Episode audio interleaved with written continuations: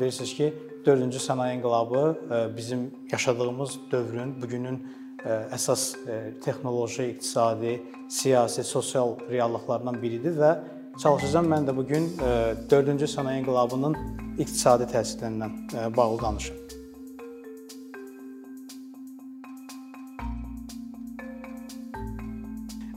Bilirsiniz ki, bu günə qədər bəşəriyyət bir neçə sənaye inqilabları keçirib, bir neçə dönüş nöqtəsi keçirib və bu inqilablardan xüsusilə də aqrar inqilabı və daha öncə baş vermiş 3 sənaye inqilabını qeyd etmək olar. Sənaye inqilablarını biz texnoloji inqilablar kimi də izah edə bilərik və bütün bu inqilablar nəticədə insanların həyat tərzini, yaşayış tərzini iqtisadi həyatını dəyişdirib. Eləcə də bu gün bizim yaşadığımız dövrdə gözümüzün önündə baş verən 4-cü sənaye inqilabı və ya başqa ifadə ilə sənaye 4.0 bizim yaşamaq tərzimizi, işləmək tərzimizi və proseslərə yanaşma tərzimizi kökündən dəyişdirir və onu xüsusilə qeyd etmək lazımdır ki, 4-cü sənaye inqilabı özündən öncə baş vermiş 3 sənaye inqilabından həm miqyasına görə, həm əhatə dairəsinə görə, həm də təsirlərinə görə e, xeyli fərqlənir.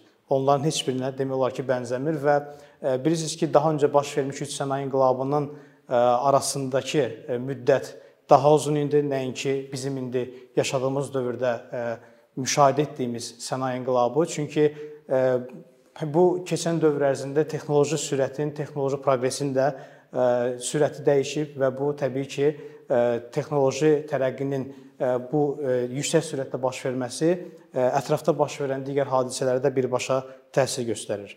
Və bu gün mən çalışacağam ki, 4-cü sənaye inqilabının iqtisadi təsirlərini bir neçə istiqamətdə sizinlə birlikdə dəyərləndirək. Burada mən bir neçə istiqaməti qeyd etmişəm. Birincisi iqtisadi artım və iqtisadi inkişaf, ikincisi biznes və sahibkarlıq, üçüncüsü əmək bazarı, məşğulluq və işin təbiəti və dördüncü istiqamət olaraq da məhsuldarlıq, gəlir və rifah.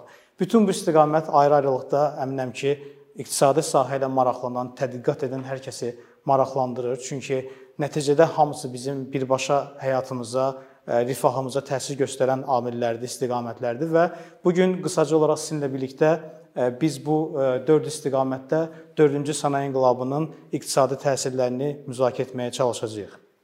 Birinci istiqamətdən başlayaq. Birinci istiqamət iqtisadi artım və iqtisadi inkişaf kimi qeyd etmişəm və e, burada e, əvvəlcə biz ümumiyyətlə 4-cü e, sənaye inqilabının iqtisadi artım üzərindəki təsirlərini dəyərləndirməliyik. Burada xüsusi bir məqam ortaya çıxır ki, adətən 4-cü sənaye inqilabının iqtisadi artım üzərindəki təsirləri ilə bağlı iqtisadçıların fikir ayrılığı var. Bu fikir ayrılığının bir tərəfində texnopessimistlər, digər tərəfində isə texnooptimistlər dayanır və adlarından da göründüyü kimi texnopessimistlər düşünürlər ki, sənaye inqilabları, texnoloji tərəqqi artıq iqtisadi artım üzərində özünün əhəmiyyətli təsirlərini başa vurub, bitirib, nəticələrini əldə edib və hətta onların bəziləri daha radikal düşünərək qeyd edirlər ki, texnoloji dəyişikliklər, texnoloji tərəqqi və belə sənaye inqilabları artıq bir formada bizim həyatımızda daha dağıdıcı təsirlər yaradır, daha dağıdıcı nəticələr yaradır. Amma digər tərəfdə texnooptimistlər düşünürlər ki, bundan sonrakı dövrdə də texnoloji tərəqqinin, innovasiyaların iqtisadi artımı sürətləndirmək və onun üçün yeni bir axın yaratmaq imkanı var. Bax bu fikir ayrılığının hər iki tərəfindəki deyək belə deyək qruplar, düşüncə qrupları, iqtisadçılar təbii ki, bu fikirlər əsaslandırırlar. Hərəsinin özünə görə bəlli arqumentləri var, əsaslı arqumentləri var və onu da nəzərə almaq lazımdır ki, adətən biz tarixdə də bunu müşahidə etmişik ki, innovasiyalar, texnoloji tərəqqi heç də asan qəbul olunmur. Yəni cəmiyyətin bütün qrupları, bütün fərdləri tərəfindən tez və asan qəbul olunmur. Nəzərə alsaq ki, bunlar həyatımızı dəyişdən yeniliklərdir, xüsusilə də iqtisadi davranışlarımızı dəyişdən yeniliklərdirlər. Ona görə də innovasiyaların və texnoloji tərəqqilərin insanlar tərəfindən, fərqli qruplar tərəfindən gec qəbul olunması bir formada anlaşılandı. E, ta ki e, innovasiyaların iqtisadi nəticələri ortaya çıxmağa başlayır, artıq daha çox insanlar onu öz həyatında qəbul etməyə başlayırlar. Eləcə də bu gün biz gözümüzün önündə baş verən 4-cü sənaye inqilabının da bir qrup tərəfindən yetərli qəbul olunmadığını, digər bir qrup tərəfindən isə qəbul olunduğunu görürük. Və burada mən xüsusilə də bir məqama diqqət çəkmək istəyirəm. Keçilmiş yoldan asıllıq ifadəsi və ya yanaşması mən bunun olduqca bu mövzuda təsirli olduğunu düşünürəm. Çünki adətən cəmiyyətlər, toplumlar, ölkələr əvvəl tətbiq etdikləri iqtisadi siyasətlərə, texnologiyalara, innovasiyalara əsaslanaraq inkişaf edirlər və 4-cü sənaye inqilabına qarşı olan yanaşma da bu gün biz görürük ki, əsasən əvvəl texnoloji inqilabları daha uğurlu təşkil etmiş keçmiş millətlər və cəmiyyətlər bu gün 4-cü sənaye inqilabında da daha uğurlu fəaliyyətlə addımlayırlar. Eyni zamanda burada biz təbii ki, texnoloji tərəqqinin bu formada baş verməsini və onun həm mənfi, həm müsbət təsirlərin olmasını qeyd etməliyik. Bu anlaşılandır. Təbii ki, biz e, bunu deyə bilmərik ki, 4-cü e, sənaye inqilabı və onun yaratdığı texnologiyalar e, bizə yalnız müsbət təsirlər formalaşdırırlar. Eləcə də onların mənfi təsirləri var. Məsələn, əmək bazarına olan mənfi təsirlərini qeyd edə bilərik. Bilirsiniz ki, bəzi iş yerləri texnoloji tərəqqi nəticəsində əmək bazarını tərk edir, onlar sıradan çıxırlar. Məsələn, buna mühasib peşəsini xüsusilə vurğulayırlar və zaman keçdikcə biz görürük ki, texnoloji imkanlar mühasib peşəsini daha yaxşı əvəzləyə bildiyi üçün bu bu kimi peşələr artıq yavaş-yavaş əmək bazarını tərk etməyə başlayır və bununla bağlı da bir xeyli sayda araşdırmalar, elmi tədqiqatlar və əsaslandırmalar mövcuddur. Amma məsələnin digər tərəfindən, müsbət tərəfinə də baxsaq, texnoloji tərəqqinin yaratdığı bəzi yeni şeylər də var. Məsələn, data təhlilçilər. Bu bizim günümüzdə müxtəlif sferalarda tələb olunan, əmək bazarında xüsusi tələb olunan və xüsusilə yeni nəslin daha çox maraq göstərdiyi bir istiqamətdir. Bu da təbii ki, boş yerə deyil. E, əmək bazarının yaratdığı dinamika, trend insanları bu e, istiqamətdə özünü inkişaf etdirməyə, təhsil almağa, özünü təlim etməyə təşviq edir.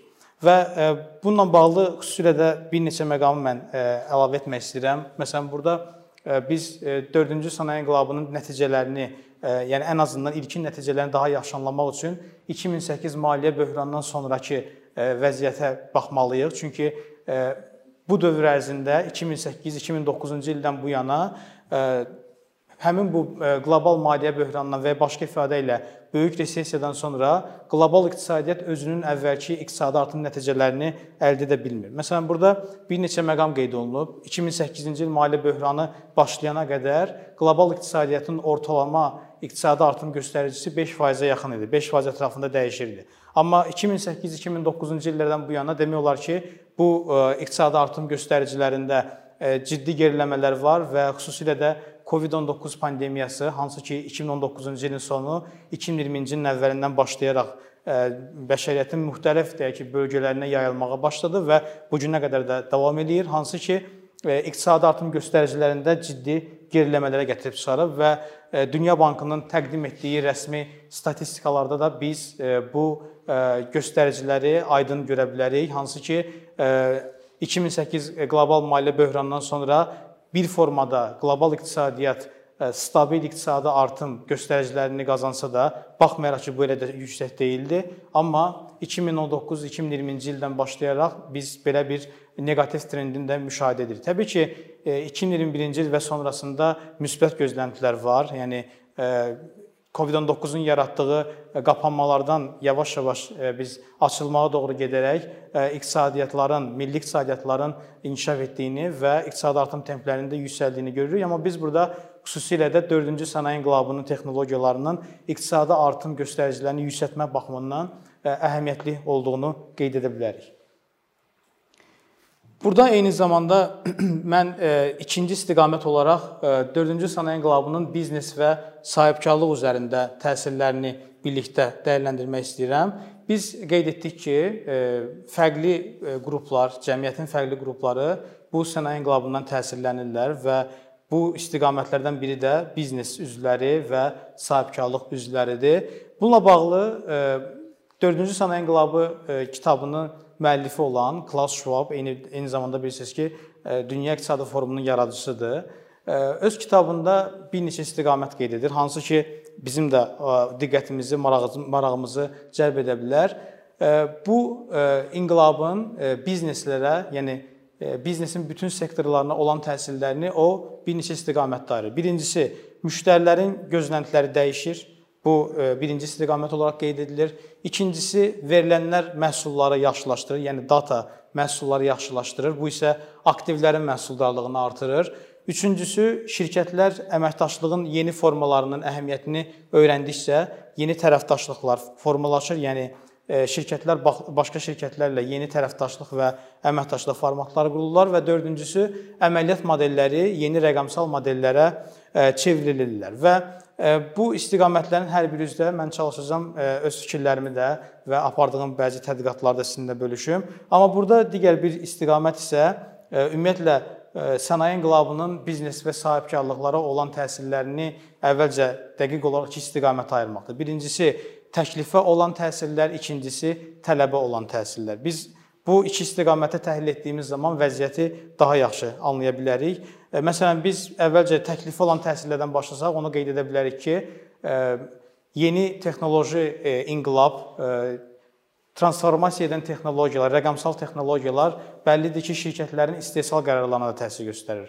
Hansı ki, şirkətlər çalışırlar ki, bir formada həm müştərilərin e, fikirləri ilə hesablaşsınlar, e, bayaq qeyd etdiyimiz kimi topladıkları data əsasında müştərilərin fikirləri ilə hesablaşsınlar, eyni zamanda öz idarəetmə və istehsal proseslərini yeniləsinlər. Biz bunu proses innovasiyası baxımından da dəyərləndirə bilərik, hansı ki, birbaşa son e, texnologiyalara, innovasiyalara əsaslanır. Məsələn, digər bir istiqamət isə tələbə olan təsirlərdir, hansı ki, biznes və sahibkarlıq üzvlərini tələb istiqamətində köklü formada dəyişir və burada xüsusilə də ə, müştərilərin fikirlərini mən qeyd etdim bayaqları, hansı ki, ə, biznes sahiblərinin, sahibkarlıq üzvlərinin investisiya qərarlarına, istehsal qərarlarına, məhsul qərarlarına, yəni məhsul dəyişdirmə qərarlarına təsir göstərir. Burada xüsusilə də son dövrlərdə biz əməkdaşlıq innovasiyasının bu baxımdan önə çıxdığını görərək, yəni bir neçə şirkət müştərilərin datalarını toplamaq, emal etmək, təhlil etmək və qərar vermək baxımından əməkdaşlıq edirlər. Burada mən bir misal qeyd etmişəm. Məsələn, il ərzində ortalama araşdırma və inkişaf fəaliyyətlərinə 4 milyard dollar xərcləyən Siemens şirkəti innovativ maşın öyrənmə şirkəti olan IST və eyni zamanda Stanford Universitetinin Forum Technology Pioneer arasında belə bir araşdırma, belə bir e, əməkdaşlıq formatı qurulub 2008-ci ildə və bu misal əslində əməkdaşlıq innovasiyasının ilkin nümunələrindən biri hesab olunar, oluna bilər bizim dövrdə və e, xüsusilə də bu e, istiqamətin əsas hədəfi şirkətlərin e, müştərilərin fikirlərini, yanaşmalarını data əsasında öyrənmək, o datalara emal etmək və daha doğru, daha rasional biznes qərarları verməkdir. Burada sonda bir, yəni bu istiqamətdə son bir fikrimi də sizinlə paylaşım. Burada 4-cü e, sənaye inqilabının şirkətlər qarşısında, bizneslər qarşısında yaratdığı reallıq ondan ibarətdir ki, araşdırma və inkişaf fəaliyyətlərinə daha çox yatırım etmək lazımdır. Eyni zamanda müştərilərdən toplanan data əsasında qərarların verilməsi daha e, qəbul ediləndir, daha məntiqlidir. Digər istiqamətə keçək. Burada e, digər istiqamət 4-cü e, sənaye inqilabının əmək bazarına, məşğulluğa və işin təbiətinə təsirləri ilə bağlıdır. Bayaq qeyd etdiyimiz kimi, ümumiyyətlə bu yeni sənaye inqilabı əmək bazarının da dinamikalarını yenidən formalaşdırır. Bəzi iş yerlərini bağlayaraq, sıradan çıxararaq, bəzi iş yerlərini isə yaradaraq, ortaya çıxararaq dinamikanı dəyişdirir və bu yalnız bizim bu yaşadığımız dövrdə və bu sənaye inqilabına xas bir xüsusiyyət deyil. Ümumiyyətlə biz tarixən iqtisadi proseslərə baxsaq, görərik ki, 20-ci əsrin əvvəllərində də John Maynard Keynesin yanaşmasında da görə bilirik ki, texnoloji işsizlik termini ortaya çıxıb və bir formada bu iqtisadçıları, elm adamlarını həmin dövrdə də narahat edib və bu günə qədər də biz baş vermiş bütün sənaye inqilabları dövründə əmək bazarında və insanların davranışlarında belə dəyişikliklərin olduğunu müşahidə edə bilərik. Bizim yaşadığımız dövrdə hansı yanaşmalar çıxır? Yəni bu sənaye inqilabı əmək bazarını hansı istiqamətdə dəyişir? Birincisi, texnoloji tərəqqi bəzi iş yerlərini sıradan çıxarır və əmək bazarına mənfi təsir edir. Bu daha çox texnopessimistlərin yanaşmasına uyğundur. İkincisi isə texnoloji tərəqqi yeni iş yerləri yaratmaq, əmək bazarını inkişaf etdirmək imkanlarına sahibdir. Bu isə daha çox texnooptimistlərin yanaşmasına aiddir. Və burada biz xüsusilə də hər iki istiqaməti birlikdə dəyərləndirsək, qeyd edə bilərik ki, hər iki tərəfin özünə görə haqlılıq payı var. Məsələn, bunu yalnız bir formada demək ki, sənaye inqilabı əmək bazarını yalnız inkişaf etdirir, bu da doğru olmaz. Eyni zamanda yalnız məsələyə pessimist tərəfdən yanaşıb əmək bazarının texnoloji tərəqqi tərəfindən istismar ediləcəyini və bir çox iş yerlərinin qapadılacağını qeyd etmək də doğru olmaz. Yəni burada bir formada texnologiya ilə savaşmaq pessimizmə qapılmaq əvəzinə texnologiya ilə belə deyək əməkdaşlıq qurmaq, eyni zamanda texnologiyaya adaptasiya olmaq daha doğru bir çıxış yolu kimi görünür.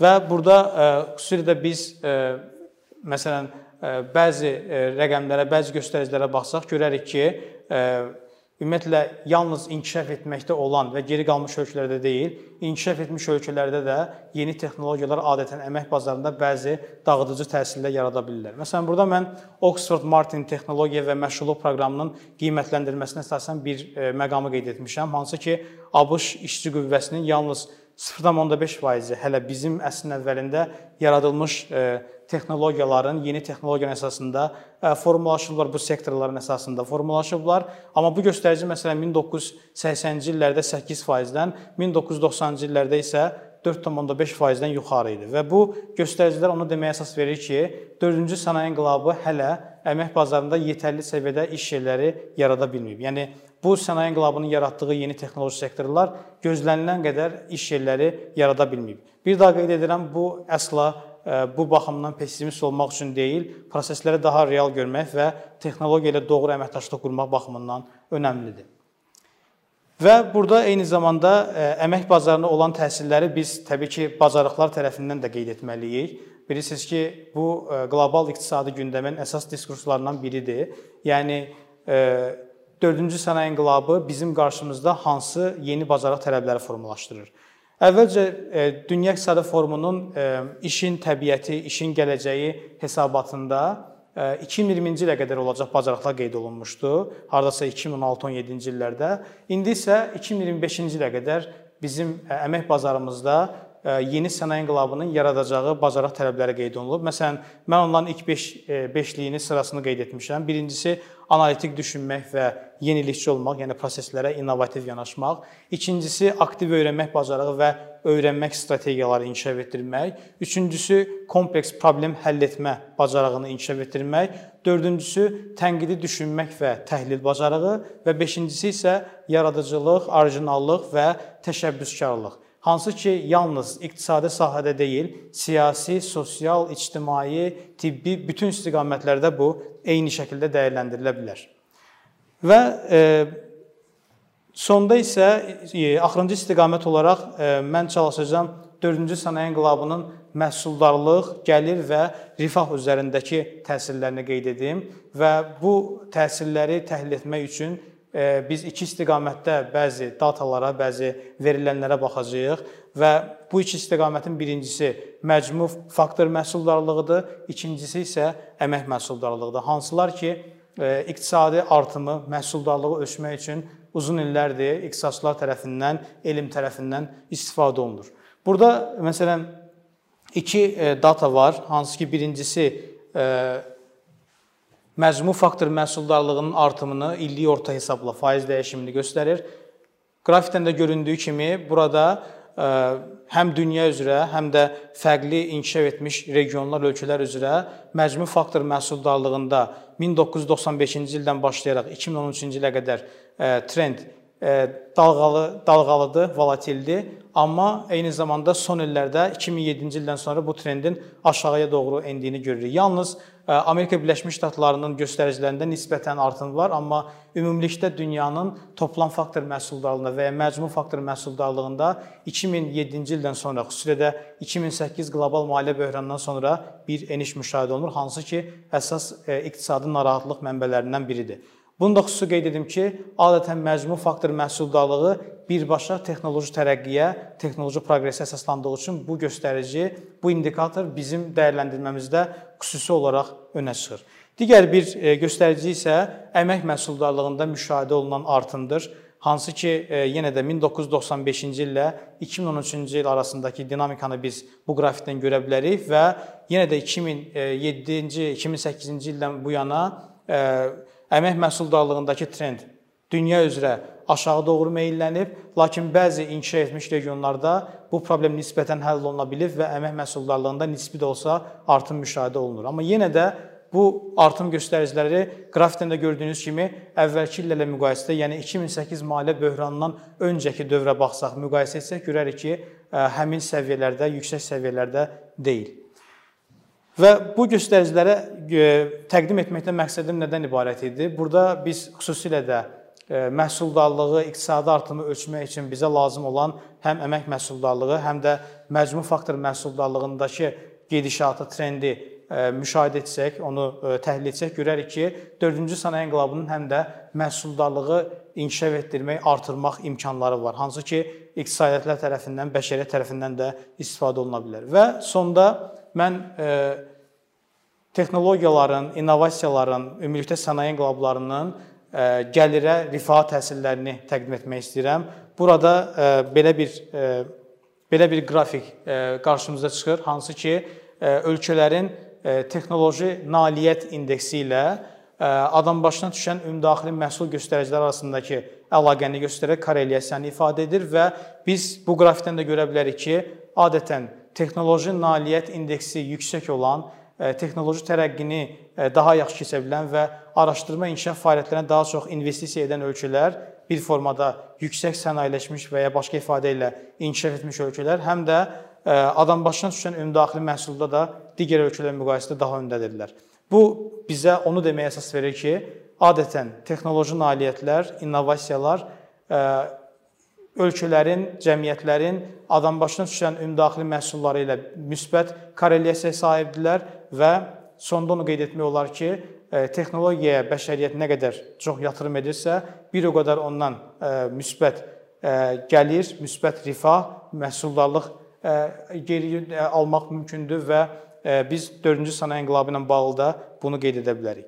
Və sonda bütün bu qeyd edilənləri ümumiləşdirsək və 4-cü sənaye inqilabının bizim iqtisadiyyatımıza, rifahımıza necə təsirləri ola bilər? Onu dəyərləndirsək, onu qeyd etmək olar ki, daha öncə baş vermiş sənaye inqilablarında olduğu kimi bu inqilabın əvvəlində, prosesin əvvəlində adətən daha çox dağıdıcı təsirlər önə çıxır və bu biraz da olsa texnopessimizmi artırır. Amma zaman keçdikcə cəmiyyətlər texnoloji tərəqqini daha çox rifaha, bərabərliyə və inkişafa sərf etdikcə bu e, bəşəriyyətə, insanlara daha çox e, iqtisadi gəlir, məhsuldarlıq və rifah olaraq qayıdır. Təşəkkür edirəm. Çox sağ olun diqqətinizə görə.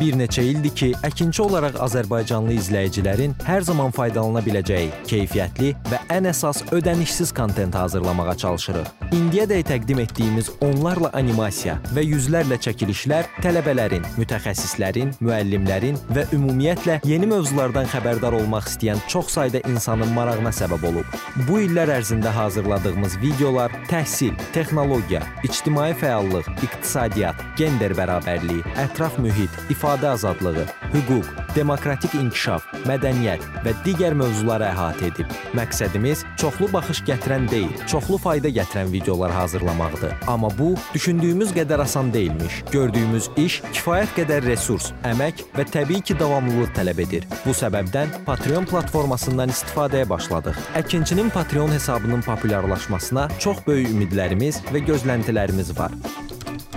Bəziləriniz Patreon haqqında ilk dəfə eşidirsiniz. Əslində çox sadə izahı olan bir platformadır. Təsəvvür edin ki, siz rəssam və ya musiqiçisiniz. Sosial şəbəkələrdə sizi izləyən, işinizi bəyənən çox sayda insan var. Patreon platforması sizə imkan verir ki, izləyicilərinizin könüllü aylıq ödənişləri sayəsində işinizi davam etdirəsiniz. Sərgi, konsert zallarından asılı qalmayasınız. Amma bu təkcə rəssam və musiqiçilərə aid deyil. Məsələn, əkinçiyə bənzər fəaliyyətlə məşğul olan bəzi layihələrin 10 minlərlə patronu var. Biz də düşündük ki, nə üçün əkinçinin Patreon hesabı olmasın? Sizin dəstəyiniz sayəsində biz daha çox və daha keyfiyyətli kontent yaratmağa davam edə biləcəyik. Amma bu dəstək yalnız maddi dəstək deyil. Dəstəkçilərimizin sayının artması gördüyümüz işlərin faydalı olduğuna dair əminlik verir. Patreon platformasından istifadə çox sadədir. Hesabınızı açırsınız, sizə uyğun dəstək növünü seçirsiniz və Patreon özü hər ayın ilk günü kartınızdan seçdiyiniz dəstək növünə uyğun ödəniş tutur. Bu qədər. Sonda onu demək istəyirik ki, dəstəkçilərin sırasına qoşulmaq istəyən, amma məhdud imkana görə bunu edə bilməyənlər narahat olmasın. Daha öncə dediyimiz kimi, bizim əsas məqsədimiz daha çox insanın hər zaman faydalana biləcəyi keyfiyyətli və ödənişsiz kontentin yaradılmasıdır. Bunun üçün mütləq patronumuz patronumuz olmalısınız deyə məcburiyyət yoxdur. Amma imkanınız patron olmağa çatırsa və bizim işimizi bəyənirsinizsə, patronlarımızın sırasına qoşulmağınız bizim üçün çox önəmlidir.